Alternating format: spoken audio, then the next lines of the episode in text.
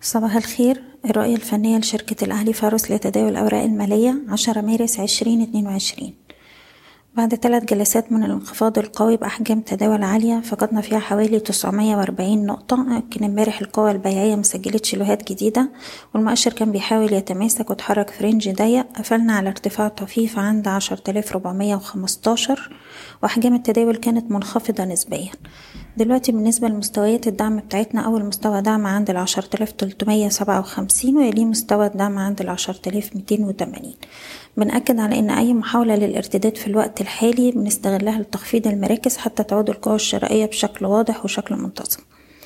أول مستويات مقاومة عندنا عند العشرة آلاف خمسمية وخمسين ويليه مستوى العشرة آلاف وسبعمية. بالنسبة للسي اي بي هو الجلسة التانية بيحاول يتماسك فوق مستوى الأربعين جنيه. لو فضلنا فوق المنطقة دي يبقى في مجال إن إحنا نرد لغاية اتنين وأربعين اتنين وأربعين تمانين. طبعا تحت الأربعين جنيه هيبقى في لوهات تانية عند أقرب دعم عند تسعة وتلاتين أربعين. بالنسبة للأسهم اللي متماسكة وأدائها جيد طبعا سهم أبو قير بنحتفظ طول ما إحنا فوق منطقة الدعم ما بين واحد وعشرين ونص واحد وعشرين والسهم عنده مقاومات عند اتنين وعشرين عشرة اتنين وعشرين تسعين.